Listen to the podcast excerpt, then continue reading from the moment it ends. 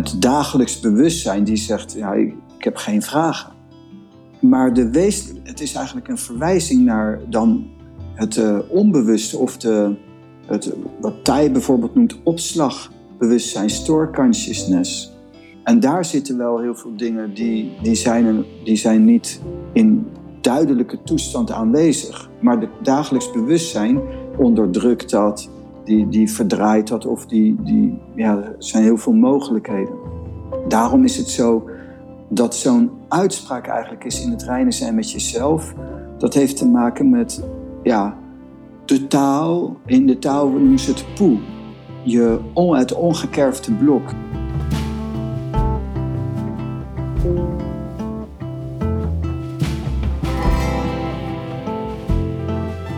Mijn klanten zijn eigenlijk altijd hele ontwikkelde mensen, bedreven denkers, intelligent. Maar daar is het nadeel van dat denken best wel vermoeiend is en ook niet per se gelukkig maakt.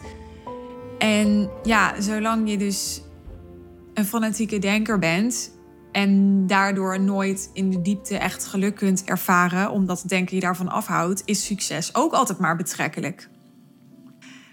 Dat maakt dat ik het interessant vond om voor deze aflevering met Pranay in te gaan op het thema: zolang je denkt, kun je niet geen vragen hebben. Dit is een uitspraak van Pranay, die ik hem hoorde doen, waarvan ik dacht, nou daar wil ik meer van weten en dat wil ik met jou delen.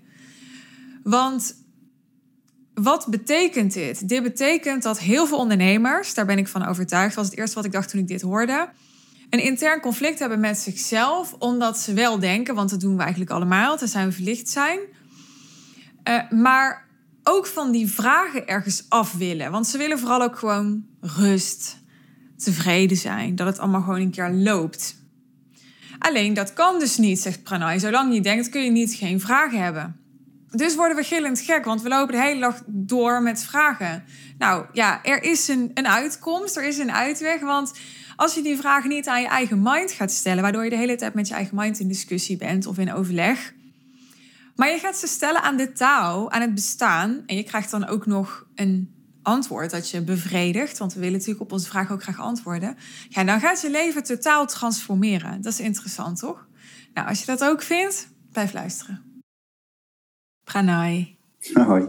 Jij zei laatst een keer... Het is een beetje een, een doordenker, deze zin. Zolang mhm. je denkt, kun je niet geen vragen hebben. Ja, Zolang je denkt, kun je niet geen vraag hebben. ja, in, in, inderdaad, in het uitwerken. Dus als je. Ehm, dat is een, een, als je in gesprek bent met mensen en je bent bijvoorbeeld in een coaching bezig, en dan. Dus, soms krijg je helemaal geen reactie van de mensen zelf. En dat is eigenlijk heel raar, want er zijn eigenlijk heel veel dingen waar de mensen aan denken. En pas als je niet denkt, heb je ook geen vraag. Kun, kun je, is er ook uh, geen issue, niet iets? Ja. ja, ik herken het heel erg, dit fenomeen. Mm Want ik had ooit een eh, coach en die zei tegen mij: Zolang je ambitieus bent, heb je ook vragen. Dat leek er een beetje op. Ja. En dat heb ik ook later herhaald aan mijn eigen klanten.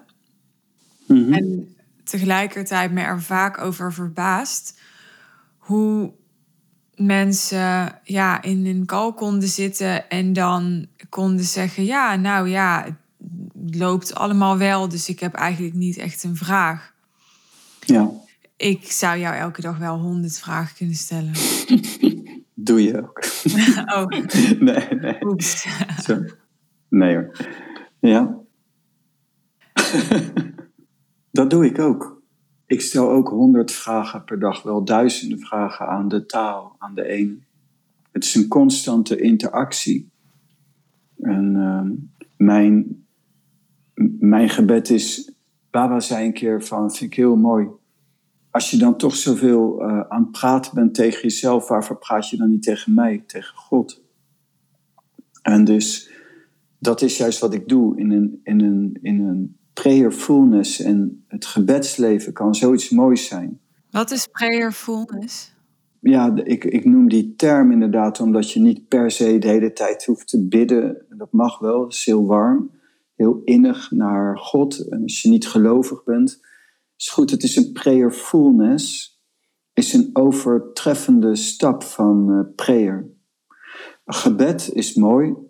En dus het is niet zo dat de overtreffende tap, trap de voorgaande ondermijnt. Maar een prayerfulness is een directere vorm van gebed. Een gebedsvolheid van ik ben hier in het bestaan en ik voel me helemaal omringd, innig warm, omringd en doordrongen van Gods energie of van prana. En prana is voor mij ook gelijk aan Gods energie. En dat maakt me dat ik me heel erg geborgen voel, veilig voel en, en geliefd voel. Een prayerfulness. Maar zeg je daarmee, als je bijvoorbeeld vragen hebt uh, over strategische keuzes die je te maken hebt voor je bedrijf, ja, dan kan je die ook gewoon aan God vragen?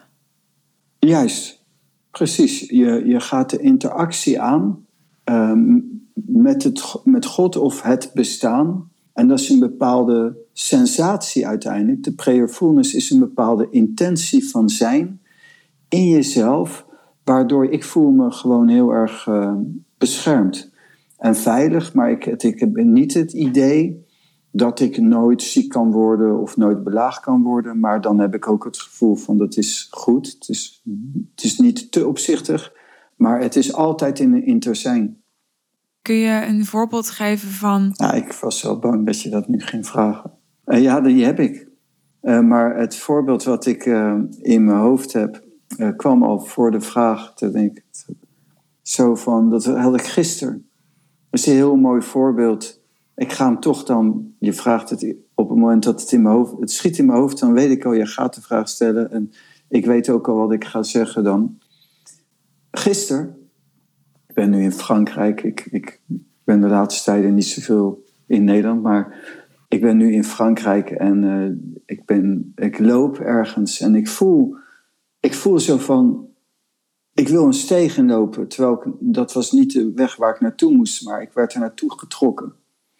En er waren een soort uh, omheining van een soort betonblok of zo aan de buitenkant. En toen zag ik een uh, groot kruis van Jezus staan. En ik loop uh, daar naartoe en bleek toen ik dichterbij kwam een uh, kerkhof te zijn. Met twee hekken en ik kijk naar dat kerkhof en ik kreeg echt zo'n soort horrorgevoel over me. Terwijl ik eigenlijk normaal gesproken heel erg uh, me prettig voel op kerkhoven. En nou ja, ik hou van horrorfilms, dus ik dacht vanwege dat gevoel, ik ga toch eens dat kerkhof op. En, en ik kreeg echt zo een nog vervelender gevoel. En toen dacht ik, vanwege geïnspireerd door dat gevoel, laat ik eens een rondje lopen. Uh, want dan ben ik te nieuwsgierig, maar ik voel me ook veilig. En, uh, maar ik voel me wel veilig, maar ik ben ook mens. En dus dat gebeurde, ik had een rondje gelopen. En ik, ik kom s'avonds laat, ik was nog even naar mijn dochter gegaan, die, daarvoor zit ik in Frankrijk. En eh, kwam, ik, kwam ik thuis, dus pikdonker, in, thuis in mijn appartement. En vlak voor mijn appartement voel ik heel raar iets om me heen. Het is heel donker. Ik sta met de sleutel bij de deurgang. En dan voel ik echt zo pats, zo in mijn nek. Maar er was niemand. En dus dan lijkt het net of je een, een klap in je nek krijgt als het ware. En ik sta daar. En, en, toen, en dan moest toch mijn geest maakte de koppeling met dat kerkhof zo van. Maar stel nou dat je uh, dat er een, kwade geest of zo achter je aan zit of zo. En toen dacht ik, nou ja, nou ja, dan, dan is dat zoals dat gebeurt. En ik doe de deur open en ik denk van, uh, ja, ja, natuurlijk, uh, het kwade bestaat, maar het, goede ook. En dan voel ik me eigenlijk heel relaxed. En toen bleek uh, bij binnenkomst, voelde ik iets in mijn nek lopen, was gewoon een of ander, ik ken, ik ken het niet, een, een insect, vrij groot insect, was um, in mijn nek gevlogen. Dat, dat, dat was het. Maar ik ben echt totaal even de verbinding kwijt met vragen stellen. Had jij een vraag gesteld dan? Ja, nee, we hadden het over de prayerfulness. En dus in die prayerfulness is dus een onheimelijk gevoel en de veiligheid die je kunt voelen. En dat is inderdaad de vraag en het ja, antwoord. Ja, maar dan wist je toch niet welke vraag ik ging stellen. Dat zou kunnen, dat zou kunnen. Misschien was Kijk, want ik kon mijn vraag niet afmaken. Mijn vraag was okay. namelijk: kan jij een voorbeeld geven ja? van dat je voor een zakelijke keuze staat en dat je dan daar een vraag over stelt aan God en hoe dat dan uitpakt? Ja, dan heb ik wel het antwoord gegeven. Um, oh, ik luister uh, want... gewoon niet. Nee, nee, ik was nog niet klaar. Oh. Um, dit, de, de, in, in een diepere context van, um, van dit verhaal was daarvoor. Daarvoor stond ik bij een appartement. En ook bij in, in, in Frankrijk. En ook bij een, een noem je dat? Een, uh, een, een kantoorpand, zeg maar. Een, een soort kantoorpand, een bedrijfspand. En die staat dan te huur. En toen dacht ik die, zou ik misschien wel gaan huren. En dus ik had zelfs die makelaar gecontact, maar mijn Frans is, uh, ik, heb, ik ken geen woord Frans, dus ik wil ook Frans gaan leren, de Franse taal. En toen de tekenen, dat is de prayerfulness en de interactie, die dan schijnbaar dus niet direct met elkaar te maken lijken hebben, um, die hebben, geven juist het antwoord.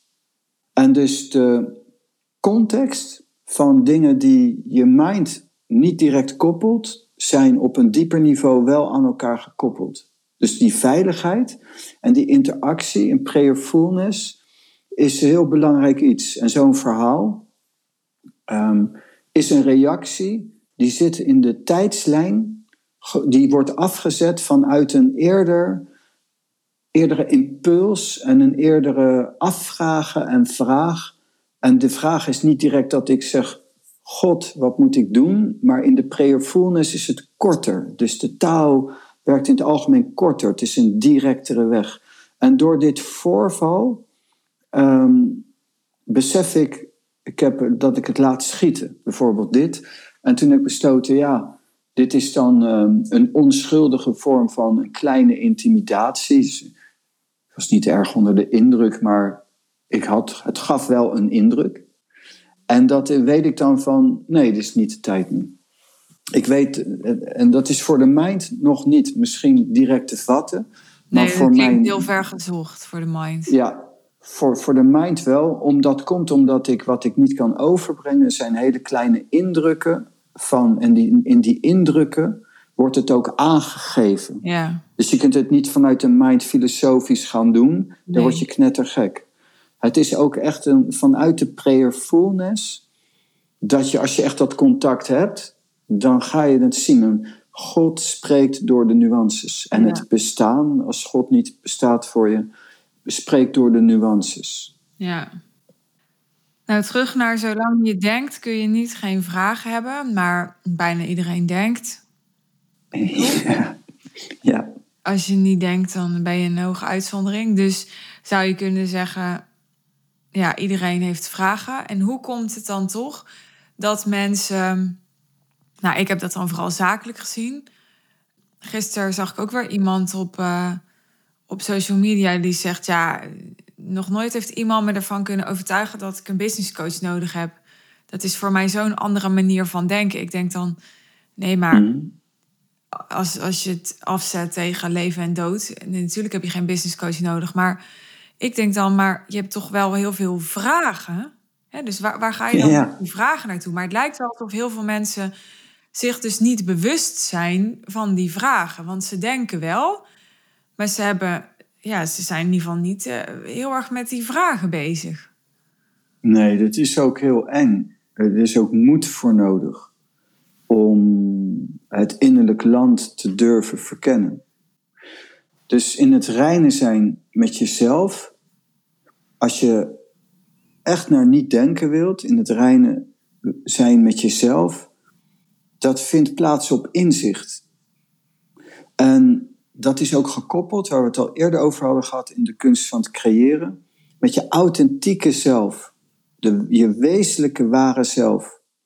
Maar als je zeg maar leeft in je persoon, er zijn gelukkig heel veel mensen die zeggen, ja, ik heb gewoon een gezin, ik heb een huis, ik heb een baan, ik, ik, ik ben gelukkig en zo. En gelukkig dat dat zo is. En dat is mooi. En daarom zeggen ze misschien ook wel, ja, van ze zitten daar. En het, het dagelijks bewustzijn die zegt, ja, ik, ik heb geen vragen. Maar de wees, het is eigenlijk een verwijzing naar dan het uh, onbewuste of de, wat Thij bijvoorbeeld noemt opslagbewustzijn, store consciousness. En daar zitten wel heel veel dingen die, die, zijn, die zijn niet in duidelijke toestand aanwezig. Maar het dagelijks bewustzijn onderdrukt dat, die, die verdraait dat of die, die, ja, er zijn heel veel mogelijkheden. Daarom is het zo dat zo'n uitspraak eigenlijk is in het reinen zijn met jezelf. Dat heeft te maken met ja, de taal. In de taal noemen ze het poe. Je, het ongekerfde blok, je ware zelf, het meest innerlijke, wie ben ik? En ik noem dat zelf bloot zijn. Uh, dan ben je bloot. Bloot ben je niet per se als je je kleding uittrekt. In mijn betekenis van bloot. Uh, bloot ben je als je echt puur bent, zoals een kind. Zo, gewoon als je bent, heel onbevangen. En dat het ook gegrondvest is op wie je werkelijk bent. Voorbij de wonden en voorbij allerlei normen en waarden. Zowel spiritueel als sociaal gezien. En je moet ook voorbij die normen en waarden gewoon jezelf vinden. En, en, dus, en daarom is het dus een spraakverwarring. Mensen zeggen, ik heb geen vraag. Ze hebben misschien ook geen vraag. Ze zeggen, als je zou zeggen van, ja, maar je bent niet gelukkig, zeggen ze, wat een onzin, ik ben gelukkig. Wat, wat denk je wel niet? En ik ben succesvol, dus wat moet ik dan vragen? Maar er zijn diepere vormen van geluk en er is ook zoiets als je werkelijke authentieke zelf vinden en in de diepte ook weten wie ben ik. En dan hebben we daar heel veel lagen. En, en daar loop je tegenaan. En daar zit heel veel wonde, angst en onwetendheid. Dus is een, een van de belemmerende sensaties, fenomenen van een spiritueel zoeker. Je zou zelfs kunnen zeggen een soort zonde onwetendheid is ook als het ware een zonde. Maar dat moet je niet uh, helsachtig, de doemachtig uitleggen, bedoel ik. Ehm, het is zo dat versluiering van de geest is een, is een belangrijke reden van. Uh, af, dat is afgescheiden zijn en ook een, iets wat je leven minder mooi maakt. Ik zeg wel eens: juist inzicht der dingen schept harmonie van binnen. Mensen die zeggen, maar ik heb het wel goed. Maar dan kijk ik en dan ben ik wel blij dat ze dat ervaren. Uh, dat is natuurlijk tien keer beter. Maar als je dan diep gaat kijken, dan zeg ik toch, ja, maar die diepe harmonie, ook bij mezelf trouwens, ik ben gewoon een beoefenaar. In de diepte, dan zeg ik toch tegen mezelf, ja, ik, ik, ik ga echt niet iemand proberen wijs te maken dat ik verlicht ben of zo. Ben ik ook niet. Ik ben gewoon een simpele beoefenaar, want ik zie in de diepte dingen waarvan ik zeg, ja, dat is niet helemaal harmonieus.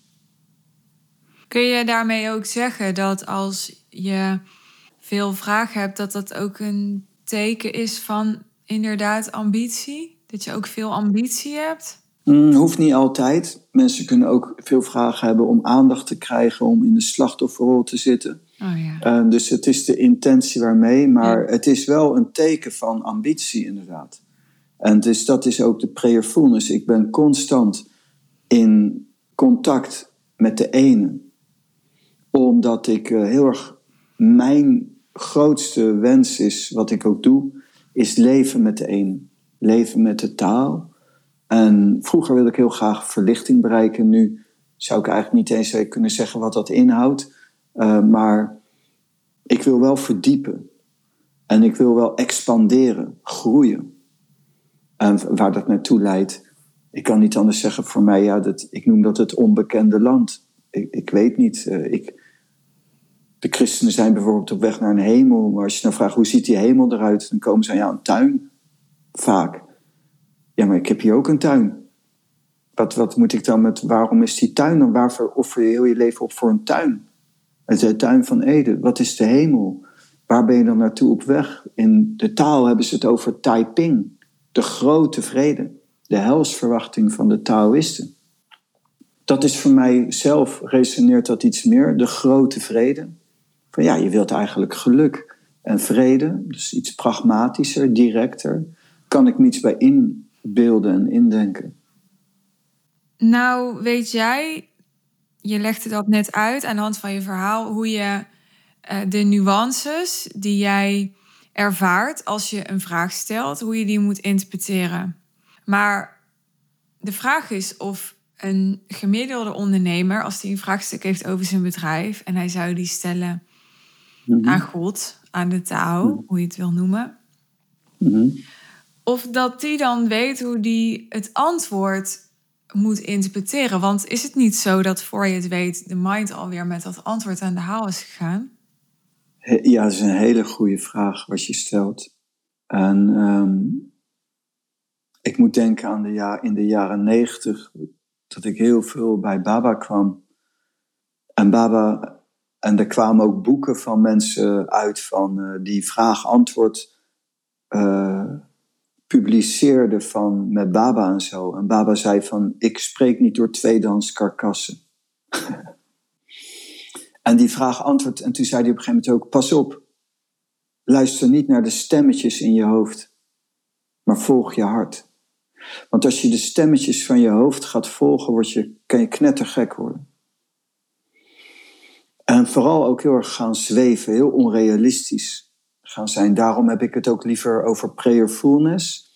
En in een gebed kun je gewoon letterlijk heel innig zijn met God.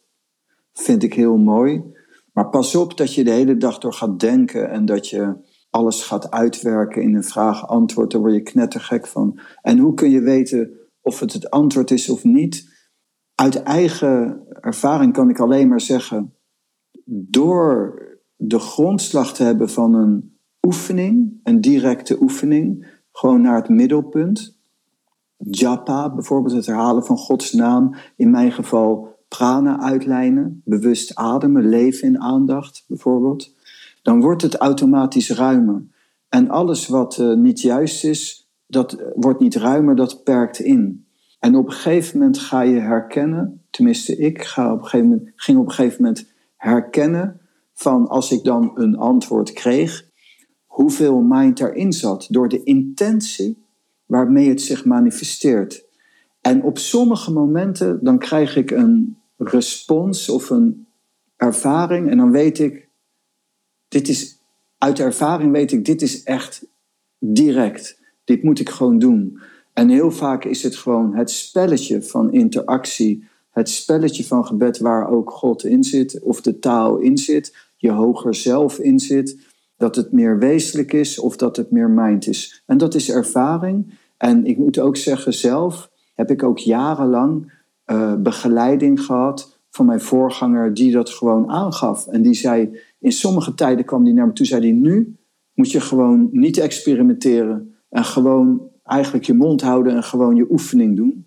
En op andere momenten kwam hij aan, zei hij, nu kan je gewoon experimenteren. En na een paar jaar begon ik dat te herkennen. Hmm. Van, ah, als ik zo in zo'n soort sfeer zit, er sensatie zit, komt hij naar me toe, zegt hij, niet luisteren. En andere momenten wel. Ja. Zo heb ik dat geleerd. Dus als mensen bij ons in de groep komen, dan kunnen ze dit ook leren. Hoe ze eigenlijk mhm. met de taal kunnen communiceren om antwoorden te krijgen op hun vragen. Die niet gebaseerd zijn op hun eigen mind of van mijn part jouw mind of mijn mind, maar die echt gebaseerd zijn op het bestaan. Het bestaan, ja. Want ik, ik heb de antwoorden niet in pacht. En uh, we hadden pas geleden een reactie van die zei: Ja, wat weet die, wat weet die meneer nou? zei hij. En, uh, en daar heeft hij gelijk in. Maar ik ben ook pretendeer het ook niet te weten. Ik wil mensen, en wij willen eigenlijk mensen in contact brengen met hun ware zelf. En we willen de mensen in contact brengen met het bestaan, de taal, de ene God de ene zal dat God noemen, de een, ieder kan zijn eigen traditie houden of geen traditie hebben, atheïst zijn, het maakt niet uit. Want er is gewoon een realiteit. Mijn voorganger zei: Ik geloof niet, ik ben een realist. Er is ook gewoon een realiteit in dit leven. Het leven is ook gewoon het leven. En aan de vruchten herkent men de boom. het is heel gaaf om mensen te begeleiden in een reflectie om zichzelf te vinden. Je meester is je hart. En voorbij je hart is er nog iets meer dan dat. En dat is heel gaaf om, om, om dat te brengen. Ja. Dat. Dankjewel. En daarmee zijn we aan het einde gekomen van podcastaflevering 404. Ik ben benieuwd wat je ervan vond. Je mag je reactie met ons delen. Hoe je me kunt bereiken, lees je in de show notes. En ik wil je ook graag er nog even op attenderen dat als je inmiddels misschien meerdere afleveringen van mij en Pranay geluisterd hebt en je bent nog steeds geboeid, het interessant vindt om met onze volgende stap te zetten en onderdeel te worden van de groep die wij starten per 1 november. Als je benieuwd bent wat het inhoudt om daar onderdeel van te worden, dan luister even aflevering 402 als je dat nog niet hebt gedaan. Heb je dat wel gedaan, maar nog geen contact met me opgenomen, terwijl je wel interesse hebt? Dit is een reminder, laat van je horen, zodat je als eerste erbij bent en eh, met ons deze groep kunt gaan aanvangen. Ik heb er echt heel veel zin in. Ik kan uit persoonlijke ervaring zeggen dat het heel waardevol voor je zal zijn. Maar voel vooral zelf of wat je tot nu toe ehm, gehoord hebt, ja, jouw interesse heeft gewekt en je nieuwsgierig heeft gemaakt. Dat is belangrijk. Was deze aflevering interessant voor jouw netwerk, denk je? Dan waarderen we het enorm. Als je hem wilt delen op je social media kanalen bijvoorbeeld. Vergeet mij dan niet te taggen, zodat ik het ook kan zien en je persoonlijk kan bedanken. Vind ik leuk. Je kunt ook een review van 5 sterren achterlaten als je fan bent van de podcast. Of een review schrijven, zodat andere luisteraars kunnen zien dat je hem waardeert. Vinden we ook te gek. Dankjewel en tot de volgende keer.